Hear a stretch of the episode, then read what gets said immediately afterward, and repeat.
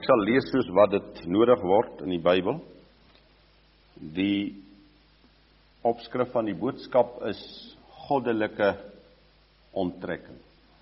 Geliefdes, wanneer 'n mens hierdie woord bring, dan bring jy dit omdat jy 'n gelowige is, omdat jy die woord glo en omdat jy glo dat die Bybel ook vir hierdie tyd geskryf is, dat hy lewendig bly en lewendig is vir alle tye. En die woord het niks te sê vir iemand wat nie by die woord begin nie, watter omstandighede daar ook al mag wees. Goddelike onttrekking. Daar is baie hartseer verhale in die Bybel vir ons opgeteken. Daar is hartseer verhale in ons eie volksgeskiedenis en seker ook in ons eie persoonlike lewens. Elke mislukking van watter aard ook al is hartseer. En die tragiese is dat jy nooit iets wat jy verbrou het kan herstel nie. Jy kan nie eens 'n woord wat jy uitgespreek het terugtrek en dit kanselleer nie. Ja, jy kan verskoning vra, berou toon, vergifnis ontvang, maar die kwaad herstel. Die kwaad wat jy gedoen het, dit kan jy nooit weer kanselleer. En daarom heerlik as jy vergifnis ontvang. Wonderlik as jy weer voor in jou lewe kan begin. Maar verskriklik as daar geen voor begin is nie. As daar geen vergifnis is nie. Kom ons lees wat staan in 1 Samuel 15 vers 35. En Samuel gee vir die geleentheid 1 Samuel 15 vers 35. Ek wil tog vra dat u hierdie gedeeltes maar in volledige verband sal gaan lees. En Samuel het Saul tot die dag van sy dood nie meer gesien nie. Want Samuel het getreur oor Saul. En Jawe het berou gehad dat hy Saul koning gemaak het oor Israel.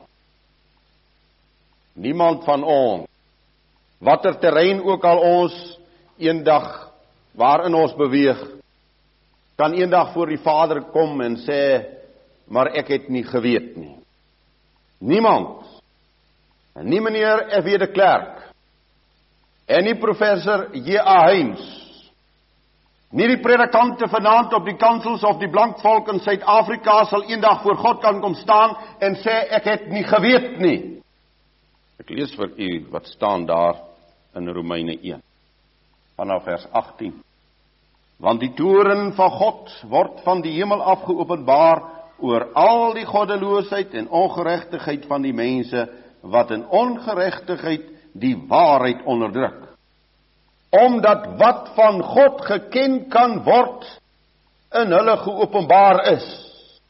Want God het dit aan hulle geopenbaar want sy onsigbare dinge kan van die skepping van die wêreld af in sy werke verstaan en duidelik gesien word.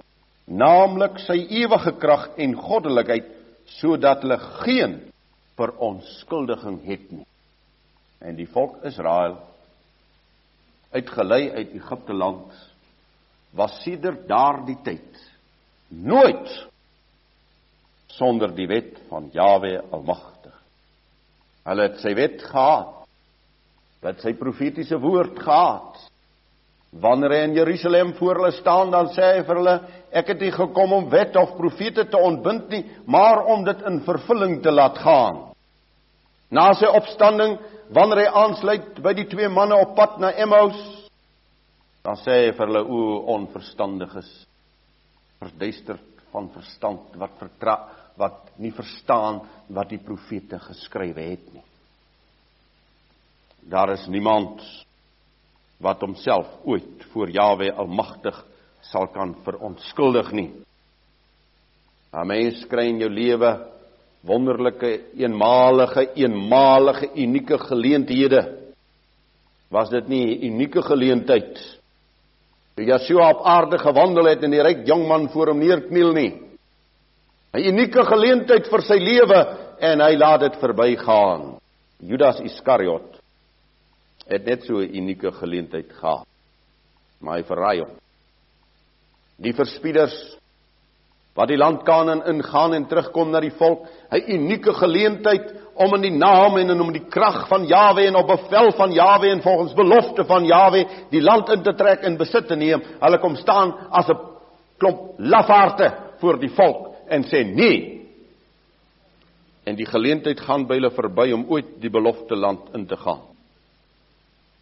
Ongehoorsaamheid is 'n verskriklike ding. Samuel sê vir Saul vers 22 van dieselfde hoofstuk.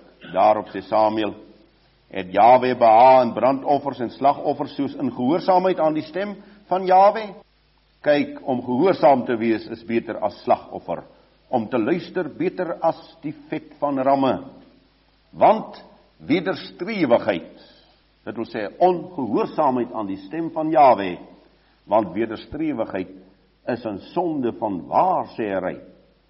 En eie sinnigheid is afgodery en beeldediens. Omdat jy die woord van Jawe verwerp het, het hy jou as koning verwerp. Koning Saul en koning Agab is twee besondere voorbeelde in die Bybel van God se besondere bemoeienis met twee mense, met twee konings. God se besondere bemoeienis met die volk van daardie tyd. Maar twee voorbeelde ook van uiterste ongehoorsaamheid, van eie willigheid en wederstrewigheid, van waarsêry en van deelde diens as gevolg dat hulle hulle eie pad en hulle eie kop gevolg het. En u en ek geliefdes is nooit uitgesluit uit die handelinge van die koning van die volk. En ek is nooit los te maak van die volk waaraan ons behoort, ook nie van sy leiers nie. Saul hoor die woord van Samuel. Ek lees die 3de vers van hoofstuk 15. Gaan nou en verslaan Amalek en julle moet met die bandvloek tref alles wat hy het. En jy mag hom nie verskoon nie. Maar jy moet hom om die lewe bring man sowel as vrou kind en suigeling bees en kleinvee kameel en esel. Dit is die bevel van Jawe almagtig aan koning Saul. Hy hoor die plan van die almagtige maar Saul plan anders Hy het ander idees. Soos ek altyd sê, hy wou vromer wees as die Almagtige. Hy wou genadiger wees as God.